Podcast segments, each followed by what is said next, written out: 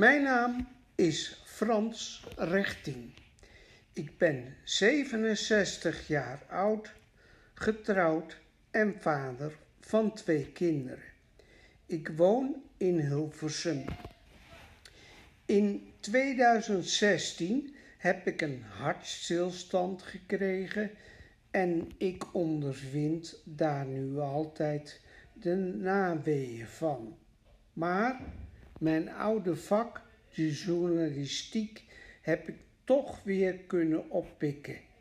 Ik werkte bij radio en televisie, Brandpunt, Echo, de KRO dus, de Wereldomroep, de lokale omroep Hilversum en Omroep Brabant. Daarnaast schreef ik ook en dat doe ik nog altijd. Dat wil zeggen columns, radio-interviews, dus ook weer mijn oude vak radio en artikelen voor Spreekbuis. Dat is een blad voor omroepmedewerkers. Dus kortom, ik ben lekker bezig met mijn oude vak. Verder revalideer ik bij Boog, een instelling voor mensen met niet aangeboren hersenletsel. En ik beweeg uiteraard, want dat is belangrijk hè, voor mensen met NAH. Dat je zorgt dat je in beweging blijft. Ik doe uh, revalidatie in, met een fysiotherapeut, met de loopband bijvoorbeeld, en op een fiets. Dat zijn dingen die belangrijk zijn voor mij. Dan is er een website die ik ook heb en waarin ik mijn leven voor en na mijn hartstilstand beschrijf. Nu is er dus deze podcast, want het bloed kruipt waar het niet gaan kan en ik wil nog altijd journalistiek actief blijven. In deze podcast onder meer de volgende onderwerpen. Bernd de Boer, een oud collega van mij bij RTV Noord-Holland, praat over zijn afasie. Verder aandacht voor de smartwatch. Is dat een probaat hulpmiddel voor mensen met niet aangeboren hersenletsel. Er is een onderzoek naar en ik praat met de onderzoeker. Ten slotte aandacht voor jongeren en NAH. Hebben ze daar speciaal last van? En wat doen ze er tegen? Dat zijn de onderwerpen. Veel luisterplezier. Je luistert naar hersenspinsels. Voor jongeren met niet aangeboren hersenletsel is het vaak erg lastig om in contact te komen met andere jongeren met NAH. Ze voelen zich alleen, onbegrepen. En naast het onbegrip lopen ze vaak ook vast in het dagelijks leven. Bijvoorbeeld door problemen met school, werk of relaties. Daarom is er nu bij de patiëntenvereniging een speciale groep voor jongeren, jonghersenletsel.nl. Ik heb aan de lijn een van de uh, mensen die zich daarmee bezighouden. En dat is Farah Verhagen. Uh, Farah, hallo. Hi, hallo Frans.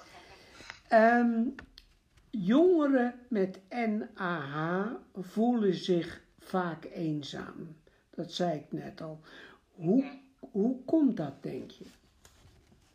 Nou ja, ik denk dat voor jongeren in principe geldt wat, nou ja, breed gezien voor mensen met NAH geldt. Hè? Dus dat energie betekent minder activiteit. soms vallen grote dingen weg, zoals werk. Ehm, dus ik, ik denk in die zin dat dat ergens, nou ja, dat dat iets, iets breeds is voor iedereen met NAH. Ik denk alleen dat jongeren ehm, meer vastlopen op het gemis en eenzaamheid door bijvoorbeeld het verlies van werk, het verlies van vrienden of het niet altijd mee kunnen doen bij feestjes. Ja. Uh, dat zijn denk ik situaties die, nou ja, in veel gevallen voor bijna elke jongere met NAH van toepassing zijn. Ja. Uh, en dat is wellicht ietsje anders voor een wat oudere doelgroep. Ja, uh, heeft er ook mee te maken, denk ik dan, dat jongeren in de bloei van hun leven zitten.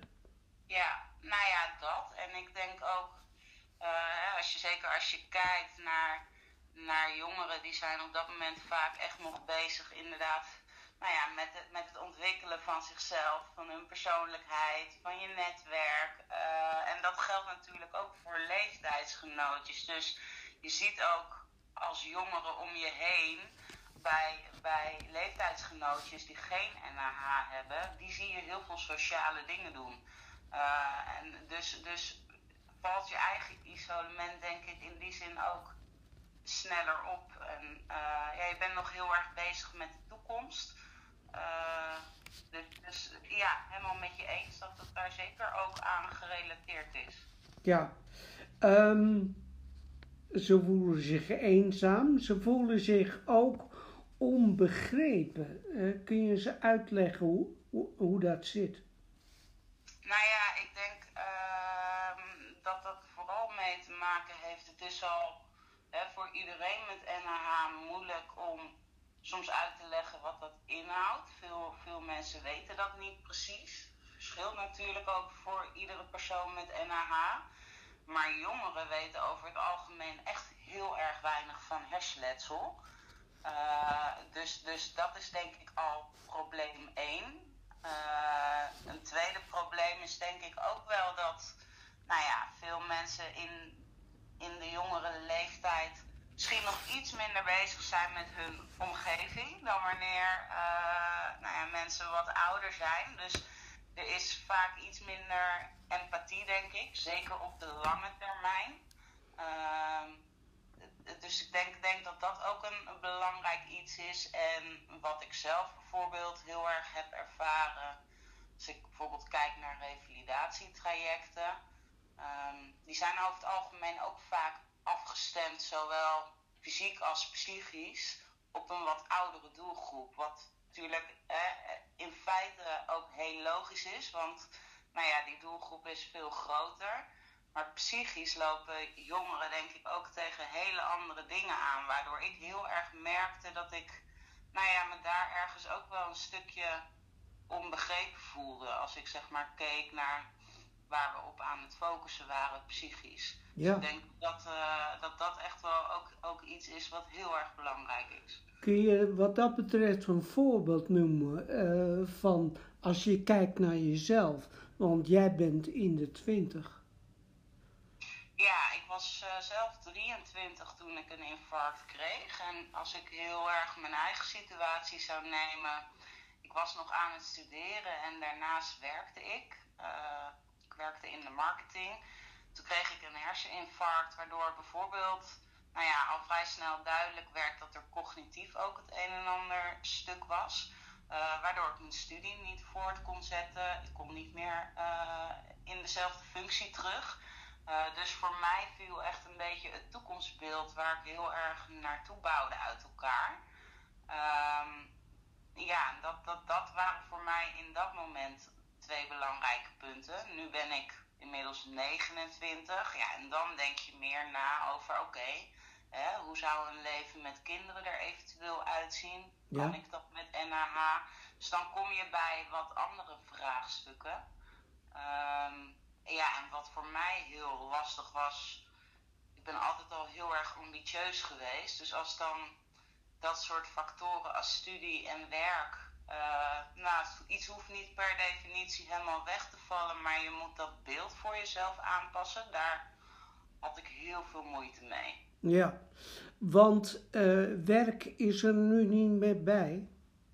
Nee, op het moment niet. Ik uh, ben nu vijf jaar afgekeurd. Ehm, en ik probeer wel, wel weer wat zingeving te vinden hè, in vrijwilligerswerk, zoals bijvoorbeeld voor de jongerentak nu uh, vanuit de patiëntvereniging.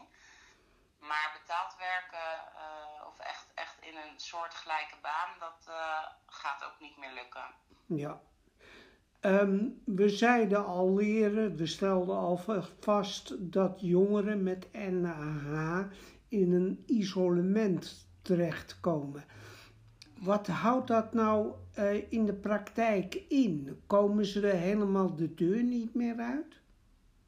Ja, ik denk dat dat iets is wat, nou ja, per jongere ook, ook enigszins zal verschillen. Ik denk dat dat bijvoorbeeld afhankelijk is van woon je nog thuis of woon je op jezelf? Heb je een partner naast je staan die je af en toe meesleept naar buiten of niet? Uh, ik denk dat dat, hè, dat geldt misschien ook wel voor iedereen, dat dat factoren zijn die daarin meespelen. Maar het isolement specifiek voor jongeren zit hem denk ik echt wel uh, met name in het sociale stukje. Uh, ik denk niet, nou ja, ik, er ik zelf ken best wel veel jongeren met NAH die wel nog de deur uitgaan. Maar het is allemaal heel gefaseerd en het is veel beperkter in uren. Waardoor hè, als je het vergelijkt met hun oude leven, uh, dan is het aantal uur dat ze nog buiten de deur doorbrengen wel heel erg geslonken. Wat vaak ook met een energielevel te maken heeft. Of, hè, uh, ja. Daar kunnen allerlei redenen voor zijn. Dus in die zin denk ik dat dat isolement voor iedereen wel geldt. Ik denk wat wat moeilijk is als je bijvoorbeeld kijkt naar de leeftijdscategorie 18 tot, nou ja, 25. Dat is een periode waarin jongeren zelf heel erg bezig zijn met hun eigen ontwikkeling. En als je dan niet mee kunt groeien met je vrienden, zie je toch vaak dat ook dat soort vriendengroepjes uit elkaar groeien. Uh, en dat vind ik zelf wel heel triest om te zien. En ik denk dat dat ook heel isolerend kan werken. Ja, nou uh, heeft corona ook de laatste tijd bepaald niet meegeholpen. Hè? Um, komt het vaak voor dat daardoor jongeren depressief werden? Ja, ik denk uh, dat dat zeker wel een factor is die, die dat kan vergroten. Je moet je voorstellen wanneer uh, de activiteiten die je doet al vrij beperkt zijn, dan probeer je wel uit die activiteiten zoveel mogelijk te halen om nou ja, de rest van je week ook geestelijk wat goed door te komen. Dus wanneer dat wegvalt, hè, ook al zijn dat kleine dingen als dagbesteding of een keer sporten of een keer afspreken met vrienden ergens buiten de deur, dan ja. blijft er wel heel weinig over meteen. En ik denk dat het daarin verschilt van jongeren zonder NAH. Uh, hè, we horen natuurlijk veel verhalen dat die ook vaak in een depressie zijn beland. Dus ik denk dat dat sowieso voor die doelgroep heel erg geldt omtrent corona. Ja. Maar voor jongeren met NAH blijft er wel heel weinig over. Uh, zeker als je kijkt naar de lockdowns. Ja. Um, ehm, NAH of niet, het is nu wel weer veel makkelijker geworden om de deur uit te gaan. Bijvoorbeeld naar de kroeg, bioscoop, een festival. Merk je dat jongeren met NAH in de praktijk daar ook weer gelukkiger door worden? Ja, vind ik een lastige vraag. Ik denk uh, dat, dat het zeker wel bijdraagt aan een prettigere kwaliteit van leven. Uh, ik eh, bedoel, absoluut. Dingen als dagbesteding, dat dat bijvoorbeeld ook weer mogelijk is, dat is echt heel erg belangrijk. Dus in die zin uh, zou mijn antwoord op die vraag zijn ja. En ik denk ook wel, als ik bijvoorbeeld kijk naar lotgenotengroepen die nu weer fysiek bij elkaar kunnen komen, dan zie je eigenlijk ook wat het verschil is met, nou ja, uh, fysiek echt iemand zien.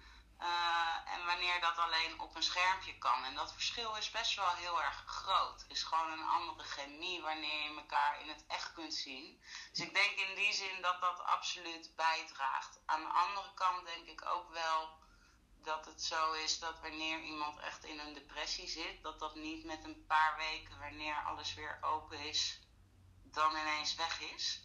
Um, maar ik denk wel het feit dat weer dingen kunnen, dat dat absoluut voorkomt dat mensen dieper afzakken in een depressie en het ze ook wel weer zeker kan helpen om weer stap vooruit te zetten. Iets Laatste vraag. Wat zou je mensen met NAH en dan denk ik ook aan ouder, maar dus ook jongeren willen meegeven eigenlijk? Het belangrijkste wat ik denk ik mee zou willen geven is um, wanneer je na je revalidatietraject, indien je dat al hebt gehad, geestelijk vastloopt, uh, doe daar iets mee. Um, ik denk dat dat, dat dat heel erg belangrijk is. En dat is ook wel iets hè, waar ik mezelf vanuit de jongerentak graag hard voor wil maken. Er moet echt meer aandacht komen voor ook het, het, het psychische stukje wanneer je op jongere leeftijd NAH krijgt. Want de gevolgen zijn niet per se erger of minder erg dan wanneer dat bij iemand gebeurt die wat ouder is, maar ze zijn anders. En de problemen waar je tegenaan loopt zijn anders. En ik denk dat het voor zowel jongeren als een, nou ja, als, als een volwassene doelgroep, als ook ouders, dat dat echt heel erg belangrijk is dat je daarbij snel aan de bel trekt. Want na je revalidatie begint het eigenlijk pas en kun je eigenlijk pas gaan zien wat voor effect het nou precies in de praktijk heeft. Dat zou wel echt mijn, mijn tip zijn. Wacht daar niet te lang mee. En lotgenotencontact kan daar ook ontzettend in bijdragen. Ook in het stukje rouw en verwerking. Uh, dus dat is ook iets wat ik iedereen zou aan willen raden. Er komen steeds meer jongere groepen ook, gelukkig. Uh, dus dus dat, dat zouden wel eigenlijk mijn twee tips zijn. Zoek op tijd hulp, psychisch. En ga op zoek naar een lotgenotengroep binnen jouw leeftijdscategorie. Vara, dank je wel voor het gesprek. Geen dank. Oké. Nou, ik uh, zet hem even stop. Ja. Momentje. Je luistert naar hersenspinsels. Muziek in deze podcast. Wat je nu hoort is een ode van mijn vriend Johnny aan mijn nu 36-jarige dochter Fanny. Hij componeerde en schreef dit kort na haar geboorte.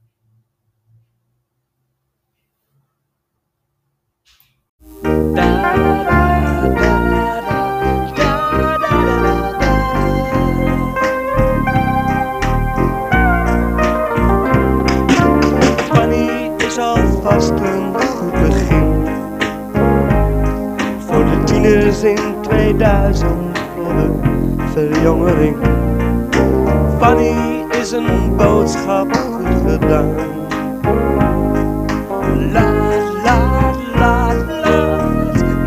Kinderen eeuwig voortbestaan. Oh, oh, hey, hey, hey, Fanny ligt gekoesterd in haar wieg te groeien ik hoop dat daar in dromenland alles paradijselijk is. In later voel je dat een beetje als gemis. Zo van droom door, Fanny droom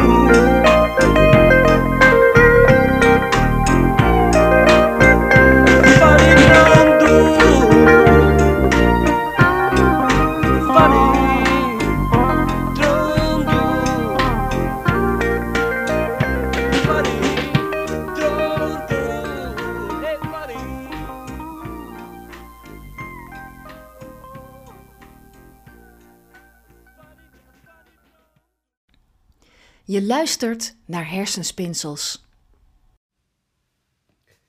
Bent de Boer kreeg een herseninfarct en bezoekt nu Boog, dat begeleiding biedt aan mensen met een chronische ziekte, zoals niet aangeboren hersenletsel. Hij zit in een rolstoel en hij heeft afasie, waardoor hij veel moeite heeft met praten. Vroeger moest hij het juist van dat praten hebben. Vooral als journalist bij RTV Noord-Holland, waar hij radiomaker was, net als ik trouwens.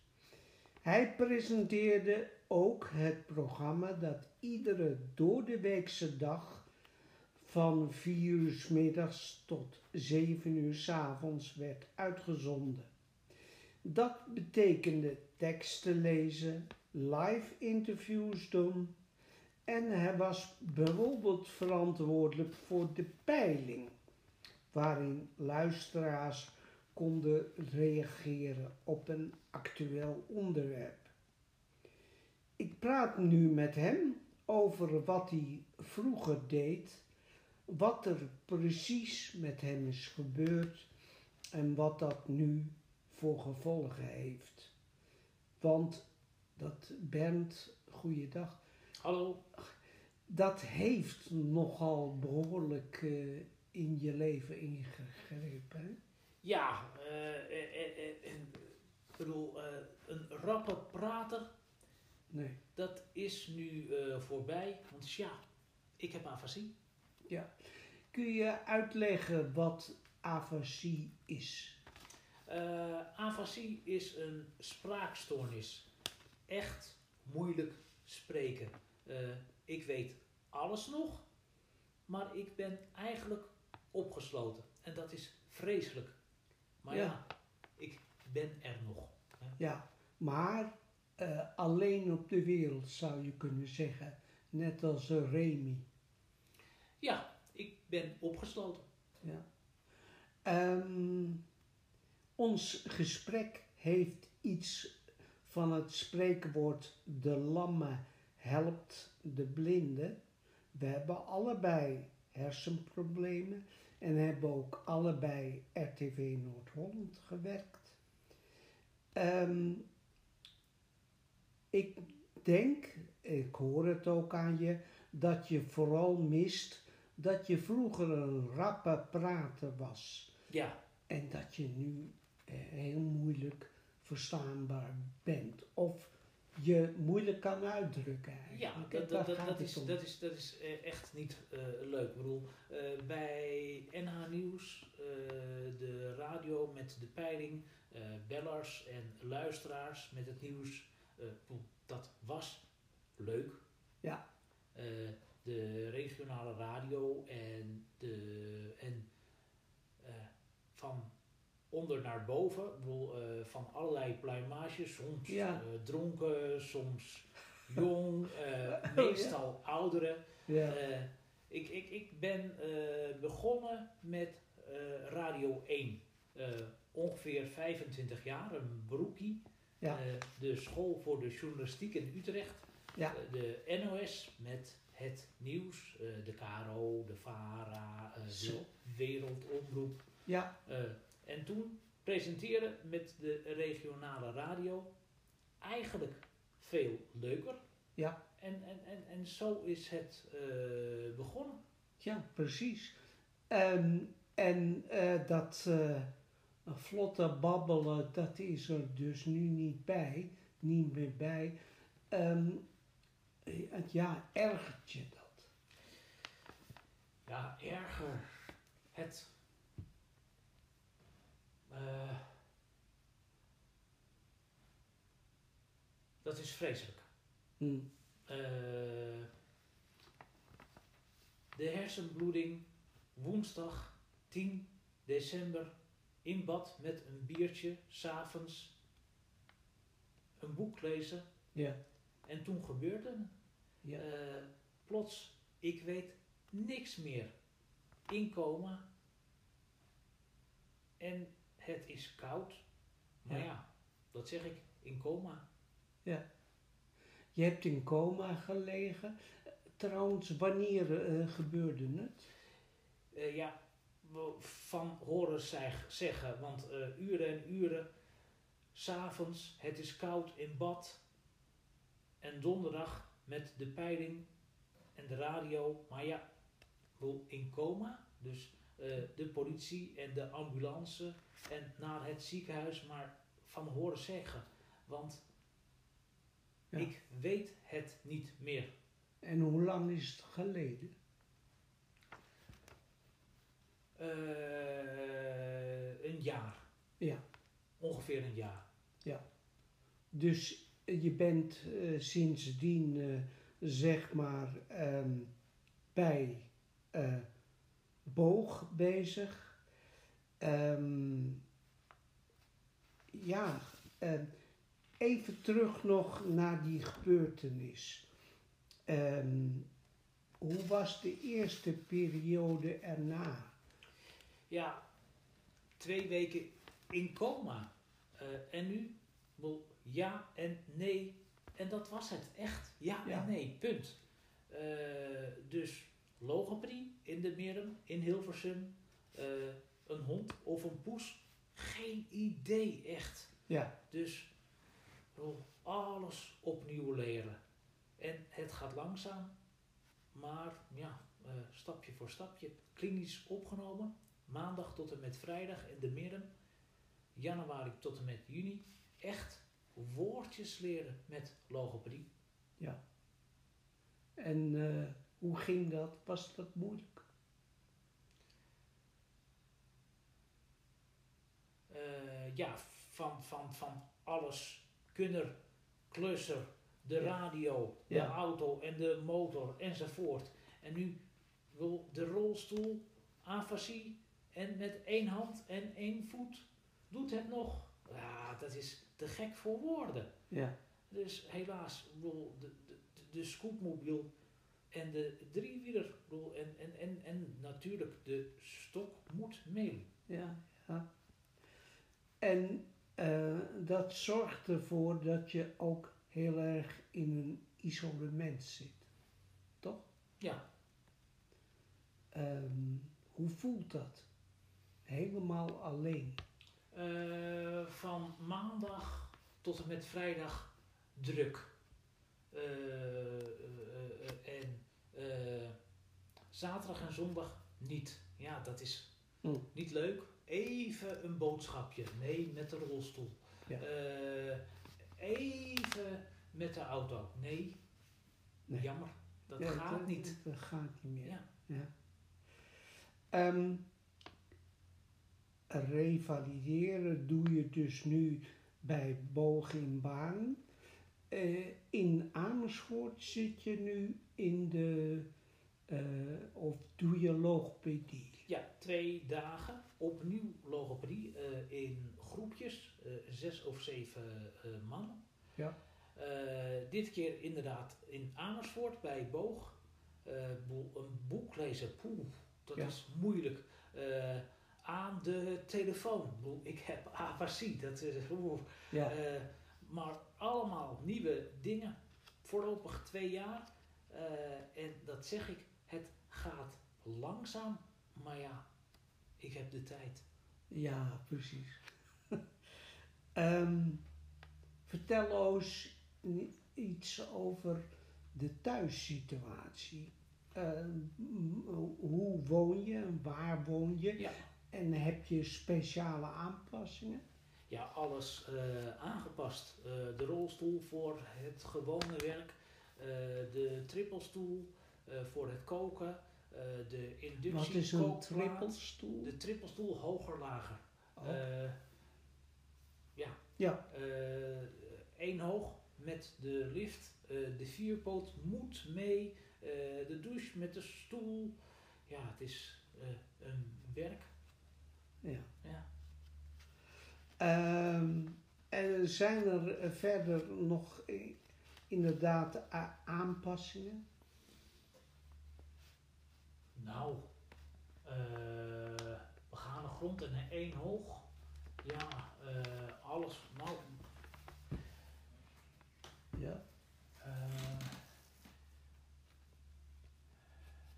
Ja, je wijst nu naar buiten. ja, maar dat, dat, eh, eh, alles lager. Lager. Ja, Ja, ja, ja, Ja. precies. En eh, en met de rolstoel. ja, alles met de rolstoel. En, ehm, maar goed, je redt je wel. Eh, koken, hoe gaat dat? Ja, dat gaat goed. Ja, Ja, alles aangeleerd. Opnieuw. opnieuw. Ja, Ja, want dat vergeet. is, dat is zo'n eh, kenmerk van als je hersenletsel hebt, dat je alles Ja, opnieuw alles moet leren. Zout of peper, alles vergeten. Ja. Eh, opnieuw geleerd. Echt opnieuw geleerd. En eh, schrijf je nu ook veel op? Ja, ja, nou ja, veel opschrijven. Ja, Ja. Ja. ja. Wat doet het? Ja, je hebt het net al gezegd dat je in een isolement zit, maar wat doet het emotioneel met je, eh, zoals je nu leeft? nou, eh, ik kan eh, zingen. En dat is echt leuk. Met het koor in Hoevelaken. Dat is een, een, boerderij. Vijf mannen en vijf vrouwen. Nou, ik zing voornamelijk jaren 60 en 70. eh, Percy Sledge, Otis Redding, Boney M, Simon Garfunkel. Ja, Eh, dus eh, lekker zingen. En een lerares, een postbode, vroeger journalist, echt jammer. Een hotel in Otterlo, het ministerie van Landbouw enzovoort. Dus donderdagavond met de regiotaxi en zingen en praten, ja, een twijfelgeval. ja. Ehm, heb je ook nieuwe hobby's gekregen? ik kan eh, koken. Opnieuw geleerd, maar Ja. ik kan koken. Eh, en het gaat langzaam. Ik bedoel, Douche in vijf minuten? Nee, dat was het. Eh, ik ben gescheiden, helaas uit Ja. elkaar. Dat is jammer. Maar een nieuwe hobby? Nee. Ja, bedoel, eh, figuurzagen of eh mini-stekken of zo. Eh, Nee. Maar nou ja, dat weet ik niet hoor. Nee, oké. En dan de laatste vraag. Hoe zie, zie je de toekomst voor je? Dat weet ik niet. De, de, dat is open. Dat is open. Ik bedoel, een jaar geoefend, geoefend, geoefend. Ah, je hebt tot nu toe wel Ja. vooruitgang gezien. Ja. Hè? Dus wat dat betreft ben je wel optimistisch. Ja, precies. Ja. Maar ja, het gaat. Het gaat. Oké. Dankjewel. Bedankt.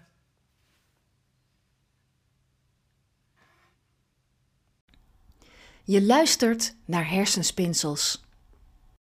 Vier studenten van de studie Techno Technische Bedrijfskunde aan de Haagse Hogeschool in Delft zijn bezig met een onderzoek naar de Miles Smartwatch. Dat is een horloge dat allereerst ontwikkeld is voor mensen in GGZ-instellingen om zo meer bewegingsvrijheid te creëren omdat er wellicht veel meer mensen baat kunnen hebben bij een dergelijke smartwatch, zijn ze nu aan het kijken of er ook behoefte is aan eh, zo'n smartwatch bij mensen met niet aangeboren hersenaandoeningen, NAH. Ik praat met Martin van der Weg. Martin, een goede dag. Goeiedag Frans. Eh, je bent, zou je kunnen zeggen, de bedenker van de smartwatch. Eh, dat is eigenlijk een soort horloge. Er is een bijzonder verhaal aan verbonden. En dat heeft te maken met de vermissing van je eigen zoon. Eh, dat klopt.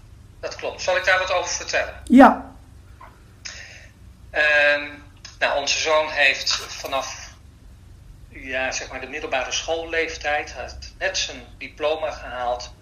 Eh, heeft hij allerlei psychoses gekregen eh, en, en wilde graag hulp daarbij.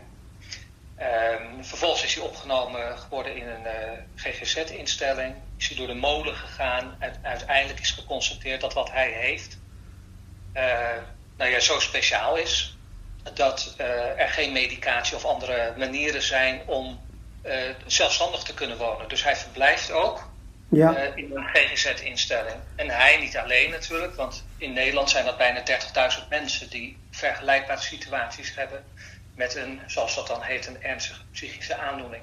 ja. En nu, Ja. nu is hij regelmatig weggelopen. Hij is eigenlijk al vanaf het begin, en dan moet je je voorstellen dat je, ja, eh, je zit in een lichaam met allerlei ambities eh, en er overkomt je iets eh, en dan, ja, die ambities ben je nog niet kwijt en het inzicht dat er een probleem is in je hoofd had hij op dat moment niet en dat is best ingewikkeld als je hoofd niet altijd meewerkt, om het zo maar te zeggen. En dus er kwamen ook gedachten bij hem om weg te gaan of eh, hier hoor ik niet, hier hoor ik niet te verblijven en dergelijke. En dat heeft hij eh, vrij vroeg in het begin gehad tot een paar jaar geleden. En in totaal is hij ja, meer dan 50 keer vermist geweest. Hè. En dan is hij Zo. langer dan 24 uur weg. Ja, Ehm, en is niet vindbaar. het duikt ergens op. Of mensen vinden hem ja, langs de kant van de weg. Zo is het dan. of op andere plekken. Dat hij weer eh, in beeld raakt. En dan ja, de zorg weer kan krijgen. Hè, dat hij teruggeleid wordt naar de zorg om ja, zijn medicatie weer goed te hebben. Eh, eh, hij is dan heel erg ja, uitgemaagd. eh, mager geworden omdat hij weinig heeft gegeten, hij heeft weinig middelen om dan iets te kopen of is juist angstig om gezien te worden. Ja, En, en wij wilden dat graag oplossen. Ja, Dat klinkt zo kort door de bocht, maar, daar zitten heel veel emoties natuurlijk en zoekacties die we zelf gestart zijn. ja, En eh, allerlei manieren waarop je probeert hem ja, te helpen, zodat hij weer de goede zorg kan krijgen die hij nodig heeft. ja.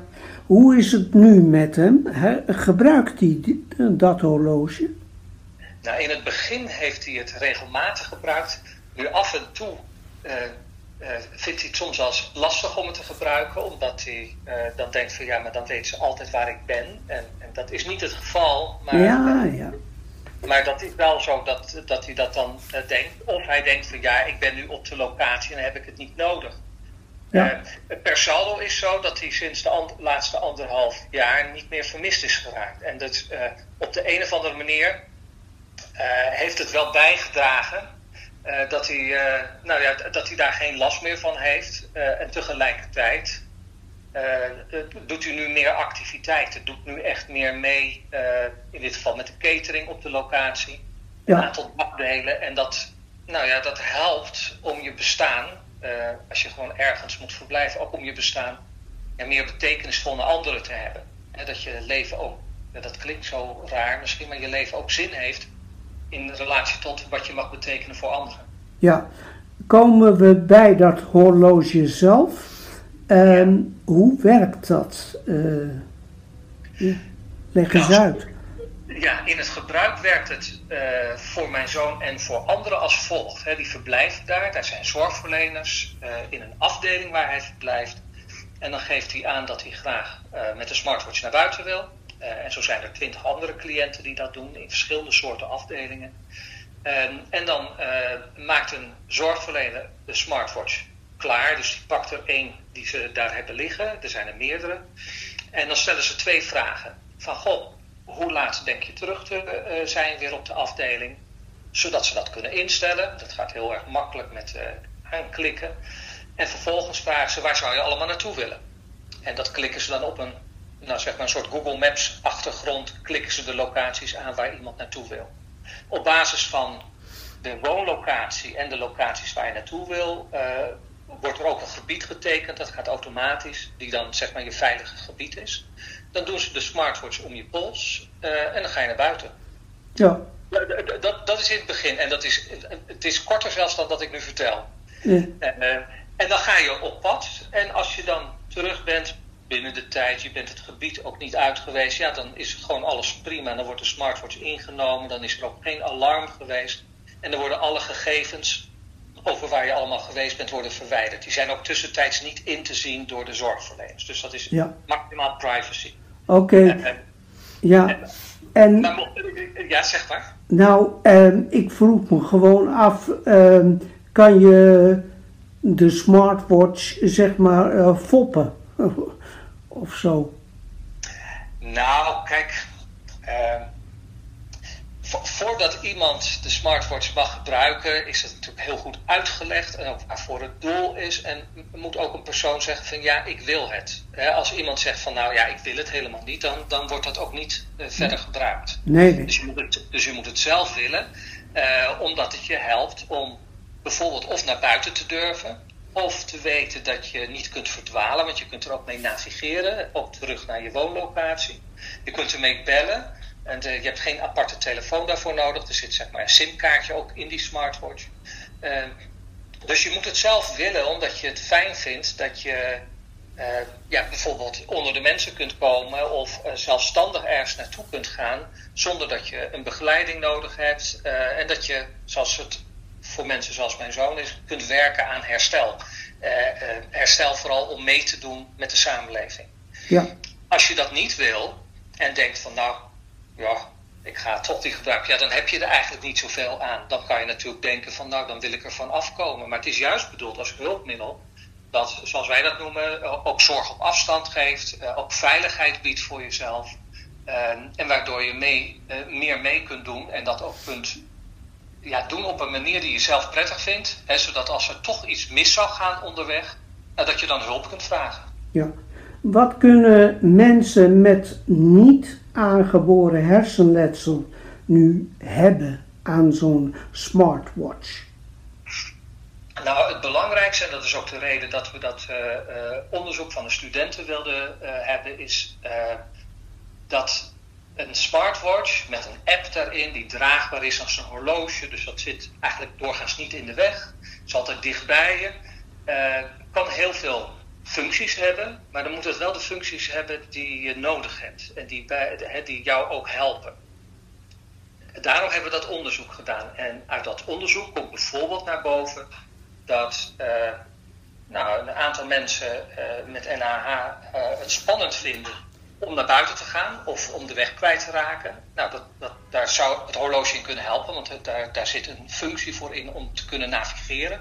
Zeg maar een soort routeplanner als je te voet ergens naartoe wil gaan.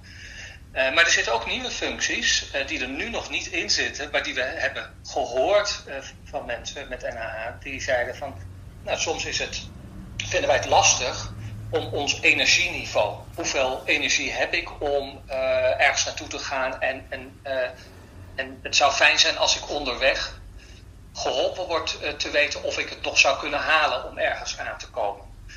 en iets anders is, als ik nou mijn, mijn dagelijkse activiteiten heb, mijn dagelijkse taken, ja, dat vind ik soms lastig om ja, daar niet taken in te kunnen vergeten. Zou iets me daarbij kunnen helpen? Dus als die functies eraan toegevoegd zouden worden, dan zou het misschien voor heel veel mensen die NAH hebben, uh, nou, heel praktisch zijn, omdat dat dan meer toegesneden is op waar je last van zou kunnen hebben.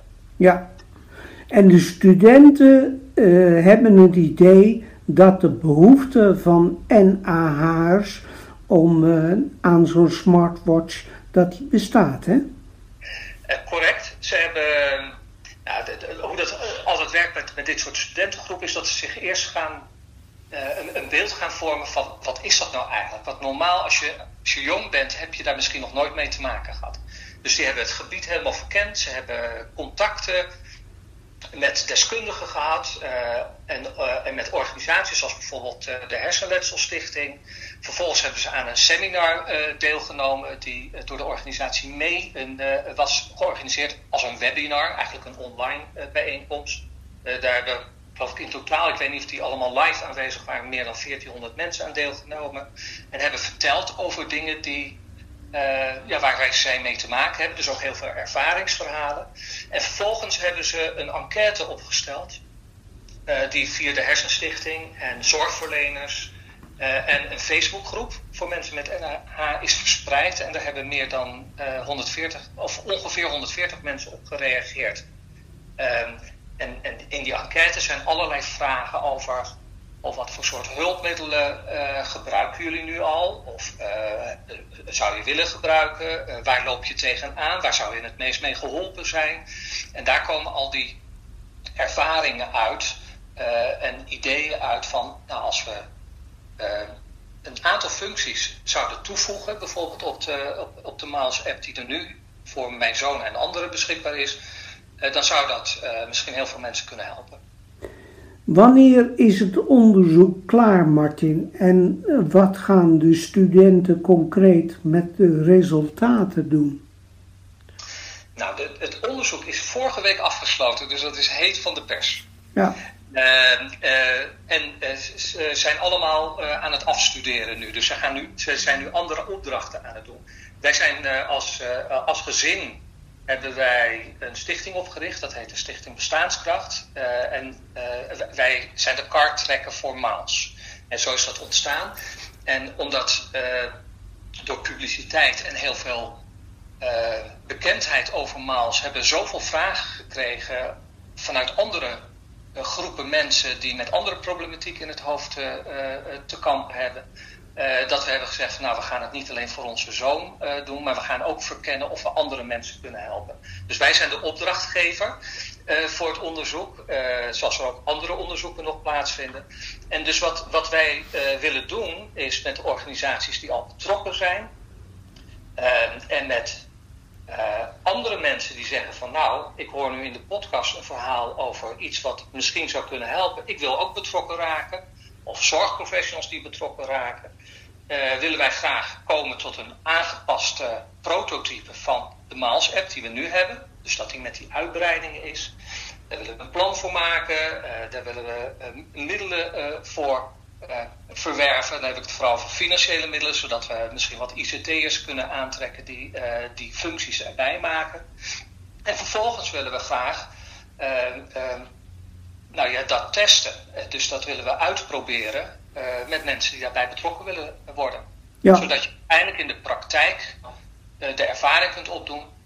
Zijn die gedachten nou gefundeerd zodat ze mensen daadwerkelijk helpen? Of moet je toch nog een beetje wat aanpassen? of komen er gewoon nog dingen in tekort die je eigenlijk ook nog zou willen doen?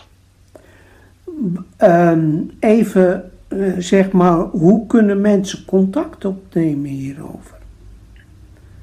Dat is een hele goede vraag. Er zijn, we hebben een website voor de Miles Watch. Die heet ook Miles Watch. Daar kunnen mensen zeggen van, hé, hey, ik heb iets gehoord. hoe kan ik betrokken raken? Dus die, die, komen met mij dan in contact. als ze zeggen van, nou, dat hebben we toch niet goed kunnen vinden, maar Stichting Bestaansrecht hebben we wel kunnen vinden. En dan sturen we ook een berichtje naartoe. Dat kan ook. En we zijn een ambi-stichting, dus we zijn ook heel goed vindbaar op, op internet. En dan, dan sturen mensen een bericht en dan, dan zoek ik contact. Want ik ben, ik ben degene die zeg maar de spin in het web is. Dus ik, heb, ik doe alle contacten ook naar mensen die graag ergens bij betrokken willen raken. Martin, dank je wel. Tot zover deze aflevering. Ik ben niet meer zo goed bij stem als ik was, maar ik hoop toch goed te volgen te zijn geweest. Tot de volgende hersenspinsels. De podcast is te beluisteren via verschillende social media op internet, zoals Facebook, de site van de Hersenletselstichting, de website van Liki van der Velde voor mensen met niet aangeboren hersenletsel en mijn eigen website www.fransrechtien.nl